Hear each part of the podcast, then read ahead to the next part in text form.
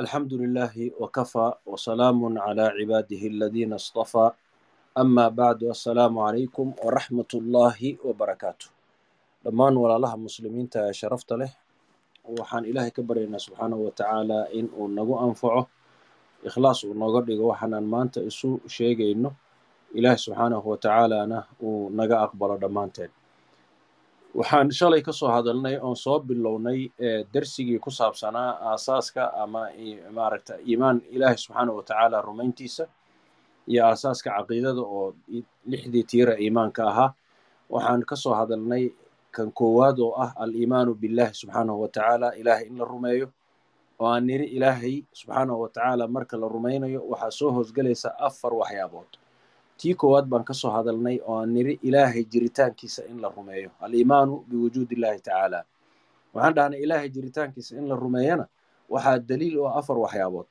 Kow fitrada ilaahay qofka uu ku beeray oo qof kastoo dhashaa markuu dhasho uu ku dhasho inuu muslim yahay labada waalid ama yahuud ka dhigi kara ama kiristaan ka dhigi kara ama dabcaabud ka dhigi kara. Caqliga ilaahayna siiye subxaanahu wa tacaala oo aan ku arkayno in adduunkan isku qoofalan ee nidaamkan wanaagsan iyo waxaan ishaysta oo aan marna kala dib dhacaynin aysan iyagu is abuurin sudfana aanay ku imaanin taasna aysan suuragal ahayn. Waxaan kaloo ka soo hadalnay iyadana in diintu ay caddaysay oo kutubtii samaawiga ahaa iyo ambiyadii la soo diray iyo maaragta arrimahaasoo dhan ay noo caddaynayaan in ilaahay subxaanahu wa tacaala uu yahay midka diintan iskale adduunkan abuuray masaalixdeenna ku dhisay waxaan u baahannahay noo qabtay. Waxaan kaloo ka soo hadalnay middii ugu dambaysoo ah dhinaca xisiga ama dareenka in ilaahay subxaanahu wa tacaala aan baryayno baryadiina uu aqbalayo haddii dadku ay wanaajiyaan shuruudii ducada taasna waa mid la dareemi karo oo rabbi farajka fura oo maaragtay dadka dhibaataysan u gargaara. Waxaa kaloo iyadana ka mid ahaa baan niri mucjizaadkii nebiyaalka ilaahay uu siiye kala duwanaa. Maanta waxaan gelaynaa qaybta labaad oo ah aliimaanu birububiyatihi in qofku uu rumeeyo ilaahay rumayntiisa waxaa ka mid a markaad jiritaankiisa qirto kadib in aad rumayso rabbinimadiisa. Ay biannahu waxdahu in uu yahay keligiis alrabb horta. Laa shariika lah cid wax la wadaagta ma jiro. Walaa muciina cid kaalmaysana ma laha. Ilaahay subxaanahu wa tacaala keligiis ayaa koonka maamulo oo rabbi ah. Warabbu waxaa laga wadaa man lahu qofka iskale alkhalq abuuritaanka waalmulku boqortooyada waalamru iyo arrinkao dhan. Falaa khaaliqa ila allah ilaahay wax abuura cid wax abuurta ma jirto aan allah ahayn. Walaa maalika cid wax hanan karta ma jirto ilaa huwa asaga mooyaane. Walaa amra ilaa lah arrin cid leh jirto ilaa asaga mooyaane. Ilaahayna qur'aanka wuxuu ku leeyahay alaa lahu alkhalqu waalamru alaa hooyaay lahu ilaahay waxaa u sugnaaday alkhalqu abuuritaanka iyo waalamru arrinka kownkan oo dhan. Wa qaala tacaala ilaahay aayad kale wuxuu ku leeyahay daalikum allahu rabbukum kaas waa rabbigiin lahu lmulku lasaga iskale mulkiga. Waaladiina tadcuuna min duunihi kuwa ka sokeeya ilaahay aad baryaysaan maa yamlikuuna ma hanan karaan min qidmiir qashirka yar ee cad ee lafta timirta ama dhibicda cad ee ku taal intaa in la eeg xitaa ma hanan karaan iska daa wax kale. Sidaa darteed marka rabbi inaad u qirto rabbinimadaasaa laga rabaa. Walam yaclam waxaana uu shiikhu yidhi walam yaclam lama oga taariikhdu ma sheegin anna axadan min alkhalqi qof khalqiga ka mida ankara inuu inkiray rububiyat illah subxaanahu wa tacaala ilaahay rabbinimadiisa cid inkirtay ma jirto weli ilaa hadda taariikhda lama hayo cid inkirtay ilaa an yakuuna mukaabiran mid kibir iyo isqaadqaad arrinkaa u sameeya mooyaane oo hayra muctaqadin aan aysan dhab ka ahayn inkiraaddaas uu rabbi inkirayo dhabka ma aha kibir bay ka tahay wuu og yahay in rabbi jiro laakiin inkiraaddaas uu inkirayo waa kibir iyo isqaadqaad bay ka tahay hayra muctaqidin ma rumaysna bimaa yaquul wuxuu odhanayo kamaa xasala min fircawn sidii fircoon gaalkii weynaa fircoon ka dhacday xiina qaala liqowmihi markuu ku yidhi ana rabbukum alaclaa heerkaasuu gaaray fircoon anaa rabbigiin ah ana rabbukum alaclaa wa qaala wuxuu yidhi yaa ayuha almala'u maa calimtu lakum min ilaahin hayri wardadow ma jiro cid aan ogahay oo aad leedihiin aniga ahayn laysa daalika shiikhu wuxuu yidhi laakin daalika laysa can caqiida.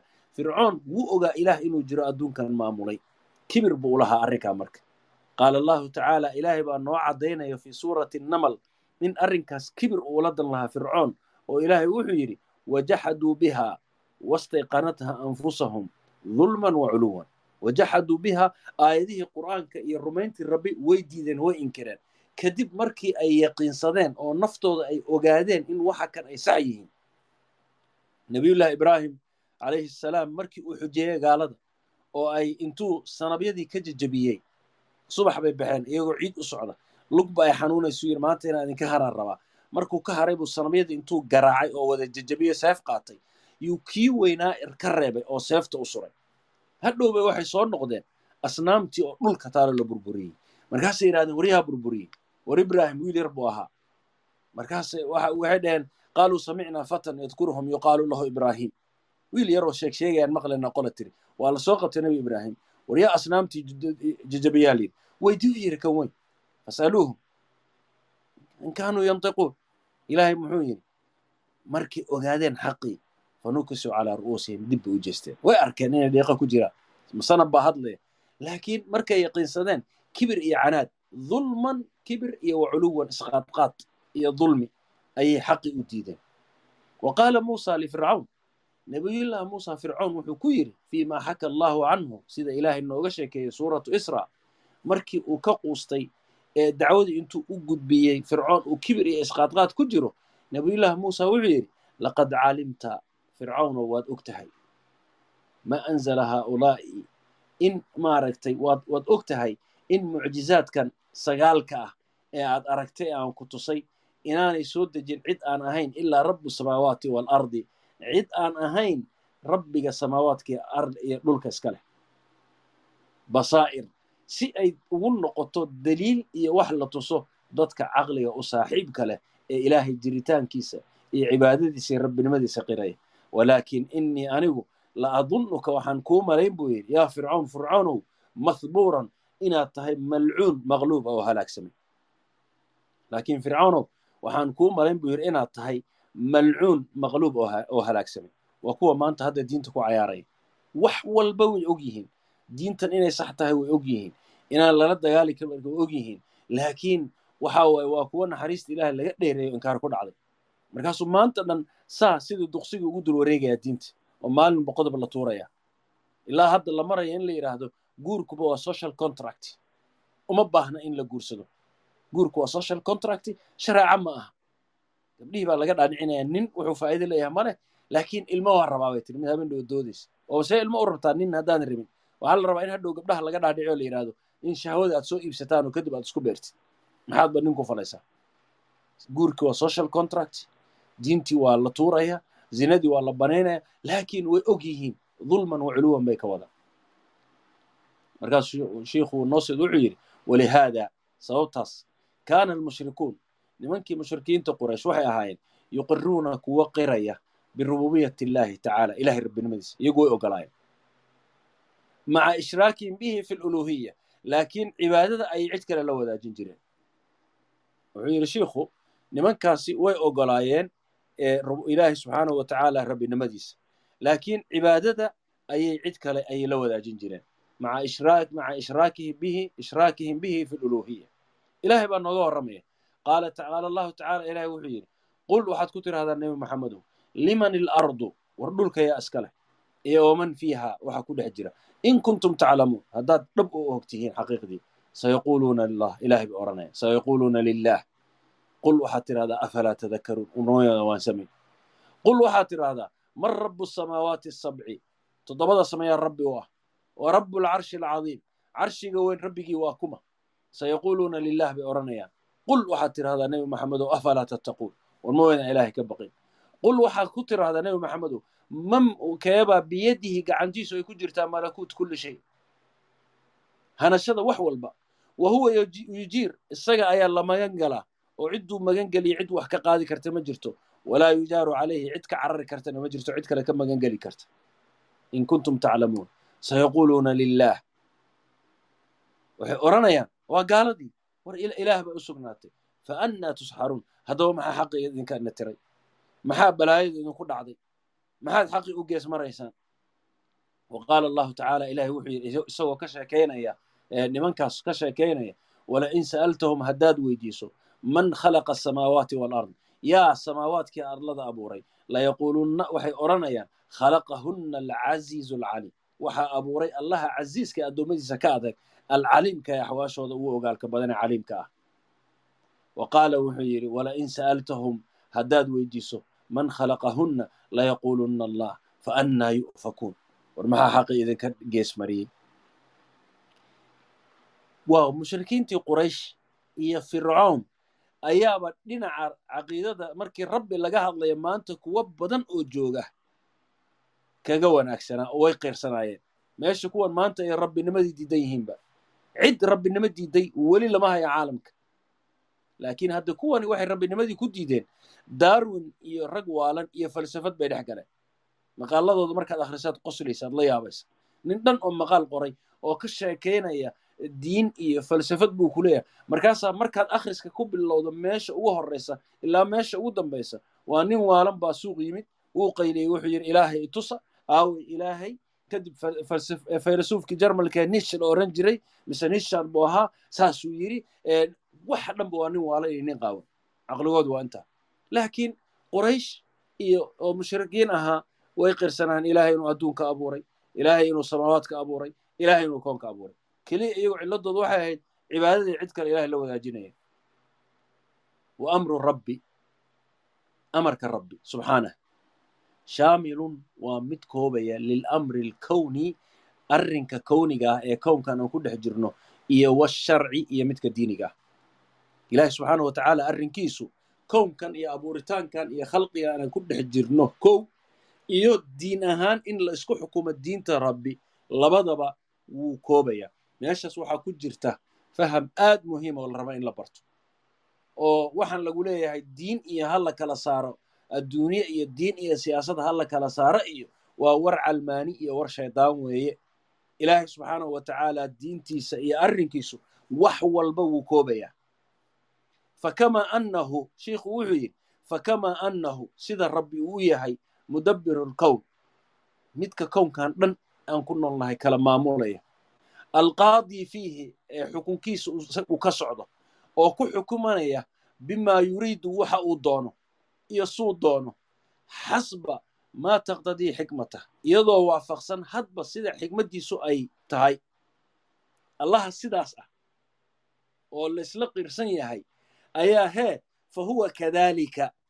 Sidoo kale waa allaha alxaakimu xukuma. Fiihi adduunkan. Bisharci wuxuu ku xukumaa ilaahay. Sharci alcibaadaat cibaadaad ah. Iyo wa axkaami almucaamalaat iyo axkaamta mucaamalaadka ee lagu kala socdo ee guurkii leh ee nikaaxii leh ee maaragtay dhaqashadii leh ee diyadii leh ee howlihii oo dhan leh ee xuduuddii leh waxaasoo dhan ee xalaashii leh ee xaaraantii leh. Isagaa marka intaba xukuma. Xasba maa taqtadiihi xikmata. Hadba sida ay xikmaddiisu ay tahay ilahi subxana meeshuu doonuu dhigayaa suu doonu maaragtay ilaahay subxaana wa tacaala waafajinayaa wuxuu doonuu bedelayaa wuxuu ilaahay doonuu xaaraantinimaynayaa wixii ilaahay doonuu xalaalaynayaa bixasbi xikmatihi subxaanahu wa tacaala. Sidaa darteed marka faman ruuxii ittakhada maca allahi tacaala ruuxii ilaahay la samaysta musharican fi lcibaadaat mid wax ku soo dara oo u sharciyeeya cibaadaadka ow amase xaakiman fi lmucaamalaat ama mucaamalaadkii lagu dhaqmay xukun isagu jeebkiisa ka keena faqad ashraka wuu sharki yeelay ruuxaas ilahay buu la wadaajiyey walam yuxaqiq aliimaan iimaanna ma xaqiijin qofkaas. Halkaa marka maanta waxaad ku baranaysaa warka ay shaxruuriyiin wadaan cabdiraxmaan jibriil iyo ragga la midkaa iyo kashka iyo ay ay wataan oo la rabo in muslimiinta laga dhaadhiciyo oo markii la furfuranaya alxamdulilahi rabbi alcaalamiin baa lagugu furfuran.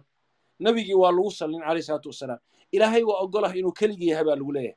Laakiin hee adduunkan aynu ku jirno waktiga hadda la joogo waxaa la rabaa qur'aanka in lagu fasiro hadba xaaladdii la joogo kow haye maxaa kaloo soo wadaan rasuulka sal ly salam waktigii la soo diray waa la dhaafo niman caraba waa horaa loo soo diray haye labo maxaa ku xigood soo wadaan axkaamtii diinta lagu soo dejiyey iyo xalaashii iyo xaaraantii ma aha wax hadda sharciga la socda haye oo maxaad rabtaa?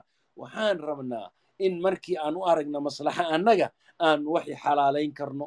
Haddii saxaabadii iyo raggii hore ay u arkeen iyo nebi maxamed alai salaam iyo a'immadii ay u arkaan in waxaasi ay xaaraan ahayn waktigoodii hadda hadda baa la maraya adduunkiina laguma dhex jiri karo. Marka waa in aan annagu wixii xalaalaysan karno khusacbalaadkaasaa marka lagu wadaa godkaasaa la rabaa in lagugu rido.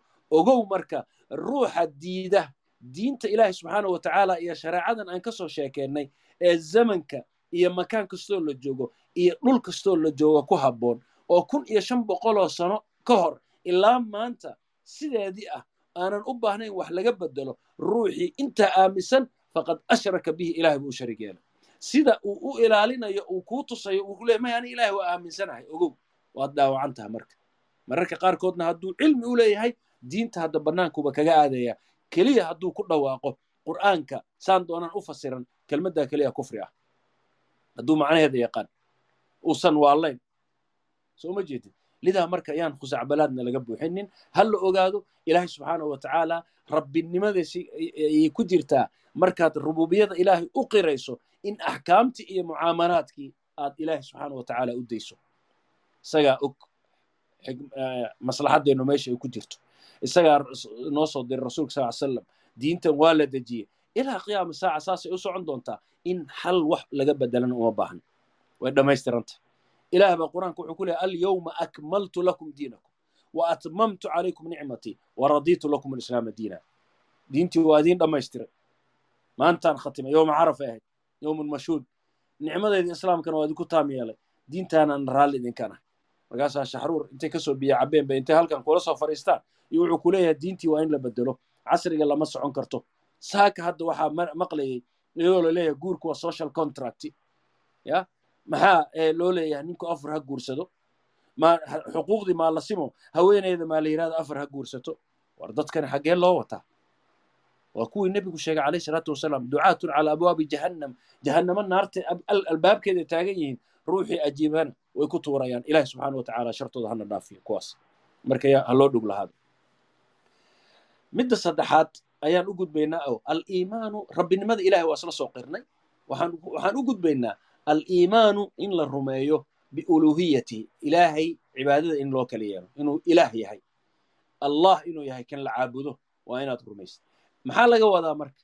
Meeshan marka lagu leeyahay ilaahay inaad rumayso rabbinimadiisa iyo ilaahnimadiisa iyo asmaadiisa qaar baa waxay dhaheen sidii gaaladiiba saddex ilaah naloo sheegay. War saa ma aha macnuhu annagu allah baan ka hadlaynaa laakiin waxaan sheegaynaa qaabkii aad allah u rumayn lahayd. Soo ma jeedid ilaahay marka marka la leeyahay uluuhiyadiisa ama ilaahnimadiisa ha la qiro waxaa weeye biannahu inuu yahay waxdahu keligiis. Alilaah alxaq ilaaha xaqa ee la caabudo inuu keligi yahay. Laa shariika lah. Cid wax la wadaagta ma jirto. Maxaa yeelay walilaah bimacna alma'luuh ay almacbuud kelmadda ilaah macnaheedu waa alma'luuh ay almacbuud midka la caabudayo xubban kalgacayl loo qabo iyo wa tacdiiman weynayn la weynaynayo marka haddaad cid aad caabuddo oo aad weynayn iyo tacdiim iyo kalgacayl u hayso ogow ilaahay cibaadadiisa cid kalaad la wadaajisay. Marka arrinkaa cid aan ilaahayn lama ogola. Ilaahay wuxuu yidhi wa ilaahukum ilaahun waaxid allihiin waa ilaah waaxida keligiis. Laa ilaaha alla xaq lagu caabudo ma jiro ilaa huwa. Isaga mooyaane arraxmaan allaha naxariista guud. Adduun iyo aakhiraba u naxariista dadka alraxiim naxariistiisa gaarka ana mu'miniinta qiyaamaha siiya wa tacaala ilahay wuxuu yidhi shahid allahu annahu laa ilaaha illaa hu ilaahay wuuna ogeysiiyey oo wuu nuu caddeeyey oo wuu ka markhaati kacay alla xaq lagu caabudo inuusan jirin asaga mooyaane waalmalaa'ikatu malaa'igtiina sidoo kale woolulcilmi dadkii ahlucilmiga ahaa qaa'iman bilqist laa ilaaha ilaa huwa ilaah xaq lagu caabudo ma jiro ilaa asaga mooyaane alcaziiz allaha addoommadiisa ka adag alxakiim ee xakiimka ah marka qofka ululcilmiga ilaahay basiirada uu siiyey. Allah wuu qirayaa laakiin qofka wareeray ee falsafadda cabbee ka dhergay derbiyadu madax la dhacaya. Wa kullu ma ittakhada ilaahan maca allaahi. Wax cid kasta oo yeelata ilaahay maciisa mid kale oo yacbudu min duunihi ay oo la caabudo.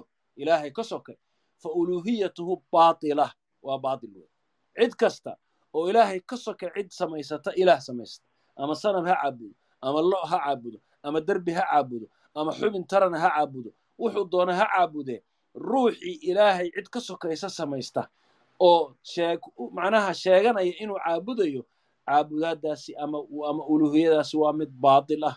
Maxaa yeelay qaala tacaala ilaahay wuxuu yidhi dalika biana allaha huwa alxaq ilaahay arrinku waxa weeye in ilaahay uu yahay xaq wa ana maa yadcuuna min duunihi waxa ka sokeeya ilaahay ay caabudayaanna huwa albaatil.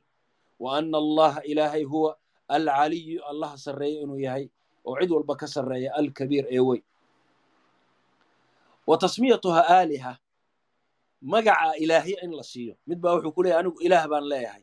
Marka magacaabidda lagu magacaabay aaliha in la siiyo laa yucdihaa ma siinayo xaqa aluluhiya xaqnimadii ilahnimada waxba ma siinayso. Weligeedba ku dhawaaqa waxaad doontaanba. Sameeya maxaa yeelay ilaah baa qur'aanka noogu sheegay. Qaala allahu tacaala markuu ilaahay ka hadlayay laata walcuza wa munaa. Sanamyadii ay caabudi jireen quraysh ay magacyada u bixiyeen. Ilaahay muxuu yidhi markuu qur'aanka noogu sheegay in hiya maa hiya ma aha ilaa asmaa'un samaytumuuha magacyo aad idinku magacowdeen. Ma anzala allahu biha min sultaan. Wax antum aabaa'ukum aad magacowdeen. Ma anzala allahu biha min sultaan. Wax ilaahay xujo agtiisa aad kaga haystaan ma jirto. Idinkuba iska magacowdeen aayad marka wa qaala can yuusuf nabiyullaahi yuusuf markuu ka sheekeynayay ilaahay annahu qaala lisaaxibi sijni labadii nin ee xabsiga la soo galay ee riyada weydiiyey ee markay ogaadeen yuusuf calayhi salaam inuu yahay nin riyada fasira oo maaragtay aad u toosan oo wanaagsan bay waxay dhaheen bal walaalow noo fasir riyada. Marka intuusan riyadii u fasirin buu ka faa'iidaystoo dacwu gudbiyey qofka muslimka ahna saasaa la rabaa mesajkaaga in mar walba uu diyaar kuu yahay. Qof kastoo muslima kulligeen mid baa gaalo la shaqeeya mid baa dad kale ku dhex jira mid baa muslimiin si khaldan ula shaqeeya waxaa la rabaa risaaladaada iyo mesajkaaga inuu cad yahay.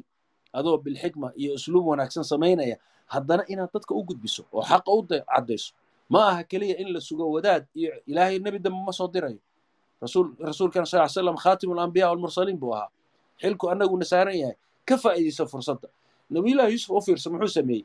Markii ay riyada noo fasir dhaheen uu dacw u hoosgeliyey a arbaabun mutafariquuna khayr am illaahu alwaaxidu alqahaar waxyaaba aad samaysateen oo ilaahay aad ka dhigateen oo kala firirsan oo midba meel uu wax ku caabudaya miyaa khayr badan. Mise allahu alwaaxidu alqahaar mise allihii keligii ahaa alwaaxid alqahaar ee addoommadiisa ka awood badnaa.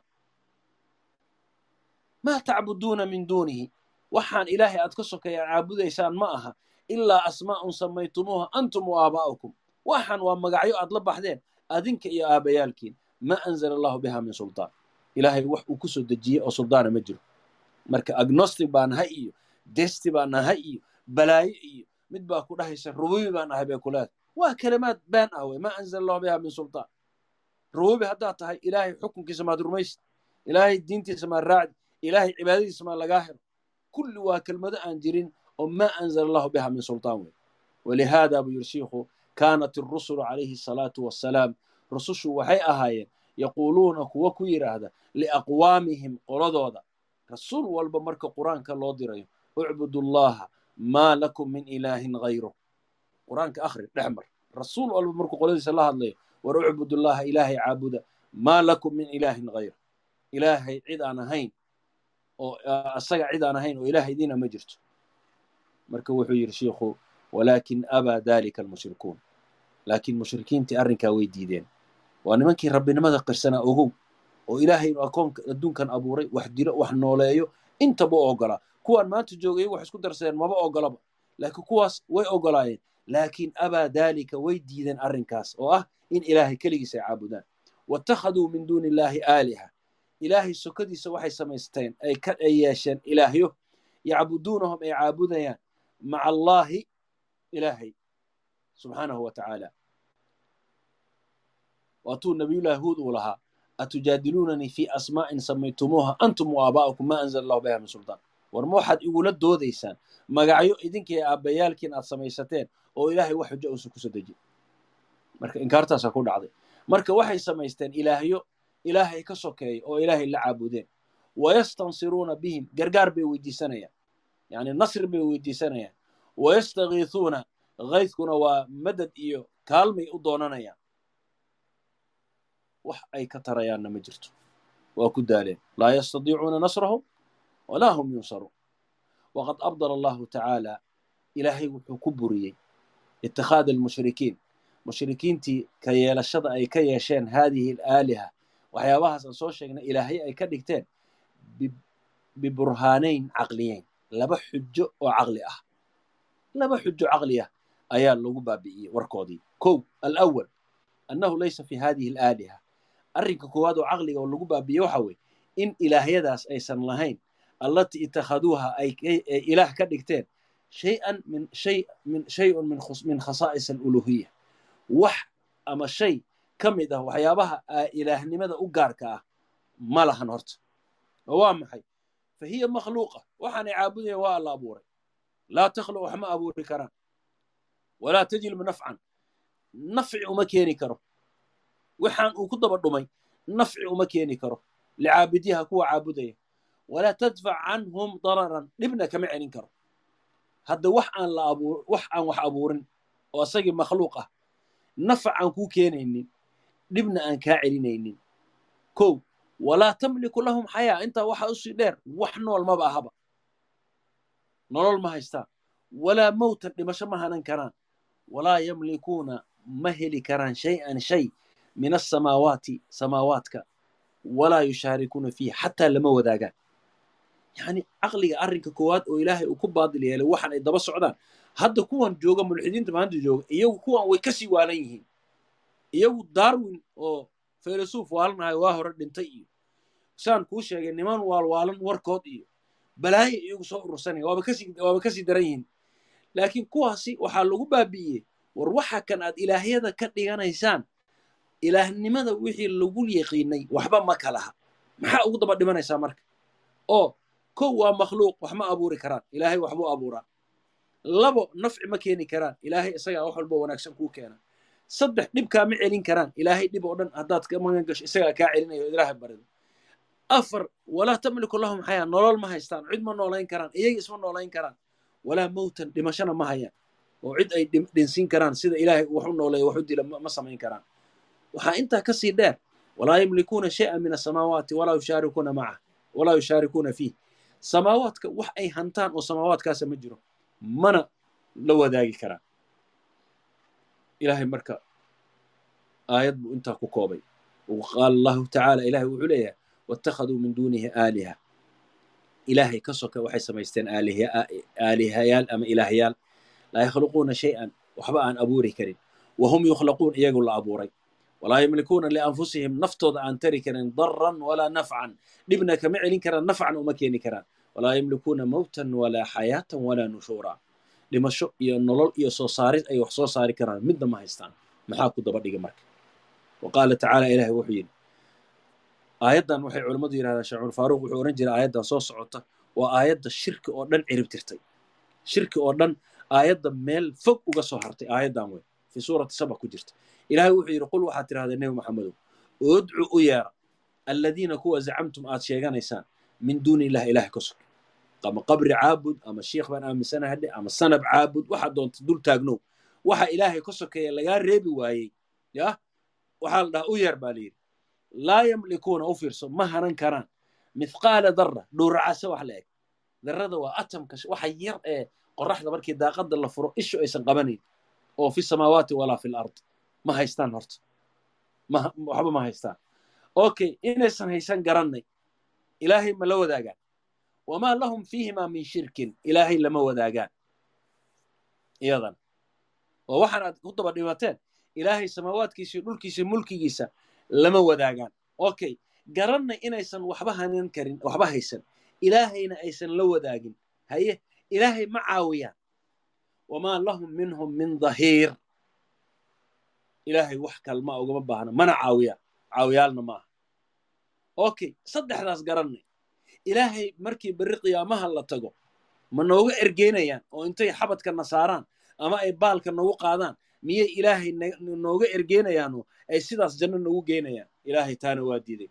Walaa tanfacu ashafaacatu ka ergeyn ma anfacayso cindahu aagtiisa ilaa mooyaane liman adina lah.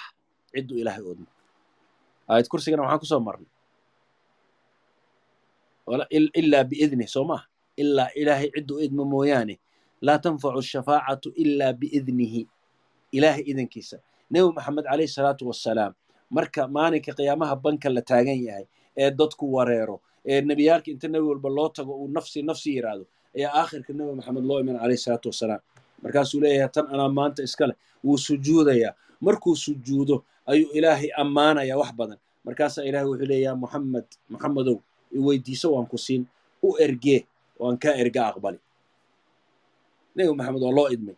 Laakiin waa ayo ninka kaloo sheegan kara maanta oo dhihi kara aniga intaasoo qof baan ilaahay u ergeenayaa wallahi inuusan jirin qof sheegan kara. Maxaa yeelay ilaah baaba diiday walaa tanfacu shafaaca ilaa liman adina lah. Way jiraan dadka shuhadada ah ilaahay diintiisa ku shahiiday oo ahelkooda toddobaatan ayay u shafaaca qaadi doonaan. Laakiin waa goorma waa goorti ilaahay idmo iyo ciddu ilaahay u idmo marka aayaddaa marka shirki oo dhan bay baabi'isay. Mar haddaynan waxba hanan karin ilaahay aysan waxba la wadaagin ilaahay uusan caawimaad aysan caawinaynin ilaahay agtiisana aysan cidna wax u ergeyn karin war cidaan ilaahay ahayn ha ku indhabeelin. Ee ilaahaaga toos u caabudo ilaahaaga toos ugu xirmo asagana toos wax u weydiiso. Wa qaala tacaala ilahay wuxuu yidhi ayushrikuuna ma waxay la wadaajinayaan cibaadadii ilaahay? Maa laa yakhluqu shay-an cid aan waxba abuurin wa hum yukhlaquun iyaga la abuuray walaa yastadiicuuna lahum nasran oo aan gargaari karin iyaga walaa anfusahum yansuruun isagana waxba iska celin karin kan dhahaya ama sanamkan la caabudayo ama midkan sheeganaya inaan anigu ilaah ahay odhanaya ama waxbaan tari karaa isagii baan dhimasho iska celin karin isagii baa dhimanaya hadduu marka uu wax tari karo muu dhimashada iska celiyo qur'aankusa uma jeedid waa caqliga bani aadamku la hadlaya laakiin qofkii laga indha tiro qur'aankani wuu lumayaa marka. Markaasuu sheikhu wuxuu yidhi waidaa kaanat haadihi xaalu tilka alaaliha. Haddii ay xaaladdii ilaahyadaa sidaa tahay fa ina itikhaadahaa aaliha in ilaahya laga dhigto min asfahi sabca waa caqli xumo midda ugu xun. Waa nacasnimo. In aad sanab ilaah ka dhigato waa doqonnimo inaad diintaadii darwin ka qaadato gaal wareeray oo isagiiba wax garan waayey oo isagiiba diin ka soo qaatay inaad maanta daba joogto nin wareeray oo aragtidiisa aad ku salaynayso. Shaydaan aad wax ka qaadanayso taasaa waxay tahay min asfahi safa doqonnimo midda ugu doqosan wa abdala albaatil iyo baatil midda ugu xun. Wathaani wuxuu yidhi shiikhu marka burhaanka labaad ee uu ku baabiyey ilaahay nimankan arrinkooda waxa weeye ana haaulaa'i almushrikiin. Mushrikiintaas kaanuu yuqiruuna waxay qirsanaayeen biana allaha tacaala ilaahay waxdahu inuu keligii alrab uu yahay kan rabbiga ah alkhaaliqa ah wax abuuray alladii biyadihi gacantiisu ay ku jirto malakuut kulli shay mulkiyadda wax walba wa yujiir isaga magangeliya walaa yujaaru calayhi cidka wax ka magangeli karta oo ka carari karta aysan jirin wa kaas marka yastalzim wuxuu laaziminayaa an yuwaxiduuhu inay u keli yeelaan biuluuhiyatihi ilaahnimadiisa kamaa waxaduuhu siday ugu keli yeelaan birububiyati rabbinimadiisa kama qaala tacaala ilaahay siduu yidhi yaa ayuha annaas dadow ucbuduu rabbakum rabbigiin caabuda alladii khalaqakum idinka idin abuuray waladiina min qablikum kuwii idinka horreeya abuuray lacallakum tattaquun waxaad mudantihiin ilaah inaad ka cabsataan ood ka baqdaan alladii jacala lakum alarda firaashan dhulka gobol idinka dhigay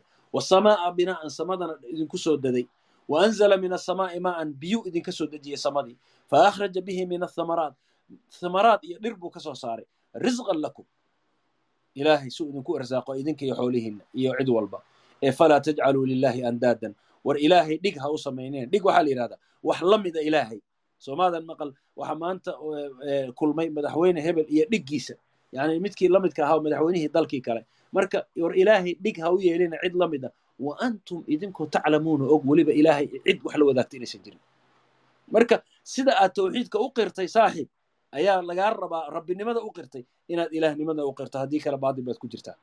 Marka soo ma jeedid ilaah baan rumaysnahay.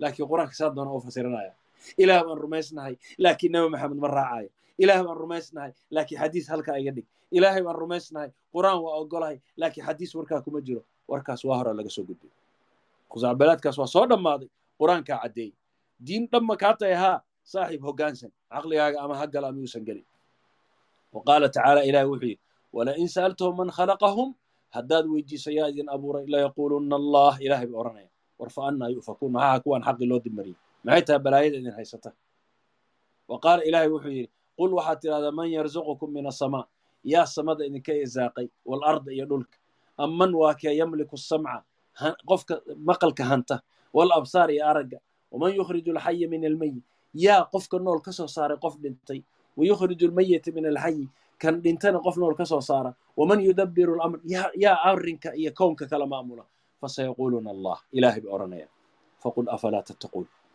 war ma waydaan ilaahay ka baqayn fadalikum allah kaa ilaahin waa kaa rabbukum alxaq allaha xaqa ah ee rabbigiina ee famaadaa bacda alxaqi xaq ka gadaal maxaa muxuu noqonaya waxa soo baxaya ila dalaal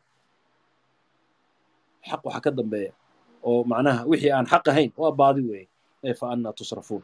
Xaggee baa laydiin iilay oo xaqii la idinka iilay oo xaqii la idinka leexiyey.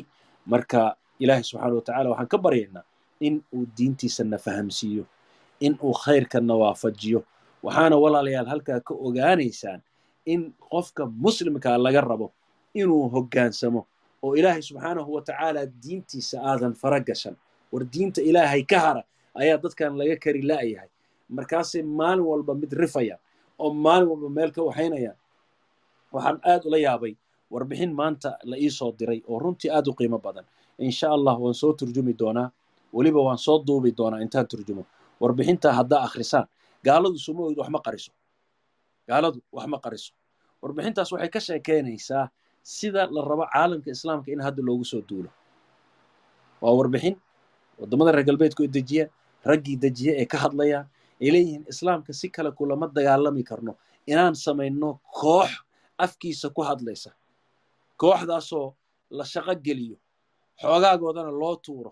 Waxyaabaha la rabo in la khalkhalgeliyo kow laga bilaabo qur'aanka la fara gashto oo la taabto la yidhaahdo qur'aankan sidii nebi maxamed ku fasiray ee saxaabadiisa haddaan ku soconno horumar ma gaarayno. Soo ma jeedin? Sida cabdiraxmaan jibriil buuggiisa uu ku qoray oo uu yidhi kenya inta qur'aankan iyo muslimiin inay dhex joogaan weligan horumar ma gaaraysaan haddana intuu halkan ku soo dhex fariisto wuxuu ku leeyahay asalaamu calaykum iyo alxamdulilah rabbilcaalamiin iyo sheekh cabdixakiim hala soo saaro casharkaan bilaabayna marka marka waa dhibaato wey soo ma jeedin? Marka waxay dhaheen in caalamka la kala qaybiyo kitaabka la faraha la gashto axaadiista la wereero saxaabada la weeraro sidaa halka khalkhal lagu geliyo thawaabid islaamkana maalin mid la cuno sida hadda kuwa qolalkan ka qaylinaya ay subax walba hal u feentaan. Maaragtay marka ha layska ilaaliyo. Marka qofka muslimkaa inuu hoggaansamaa la rabaa diintiisana uu hoggaansamo. Ilaahay wixii xaggiisa ka ahaadana uu qaato iyadoon waxba la kala saarsaaraynin. Diintu waa noloshii qofka. Iyadaa siyaasaddii ah iyadaa dhaqankii ah iyadaa caqligii ah iyadaa noloshii ah iyadaa wax walba ah. Qofkii in yar ka leexiyaana khadkaas wuu ka leexanaya. Marka ilaahay xaqa ha nagu sugo darsigii muhiimkaha baa noo bilaaban doona sheekh cabdisamed iyo sheekh cabdixakiim maaragta ayaa geli doona. Runtii waa daris aad u muhiima. Haddaad rabtaan inaad fahamtaan daaqadan islaamka laga soo galay iyo qorshaha ay dadkan wataan aad ha looga faa'iidaysto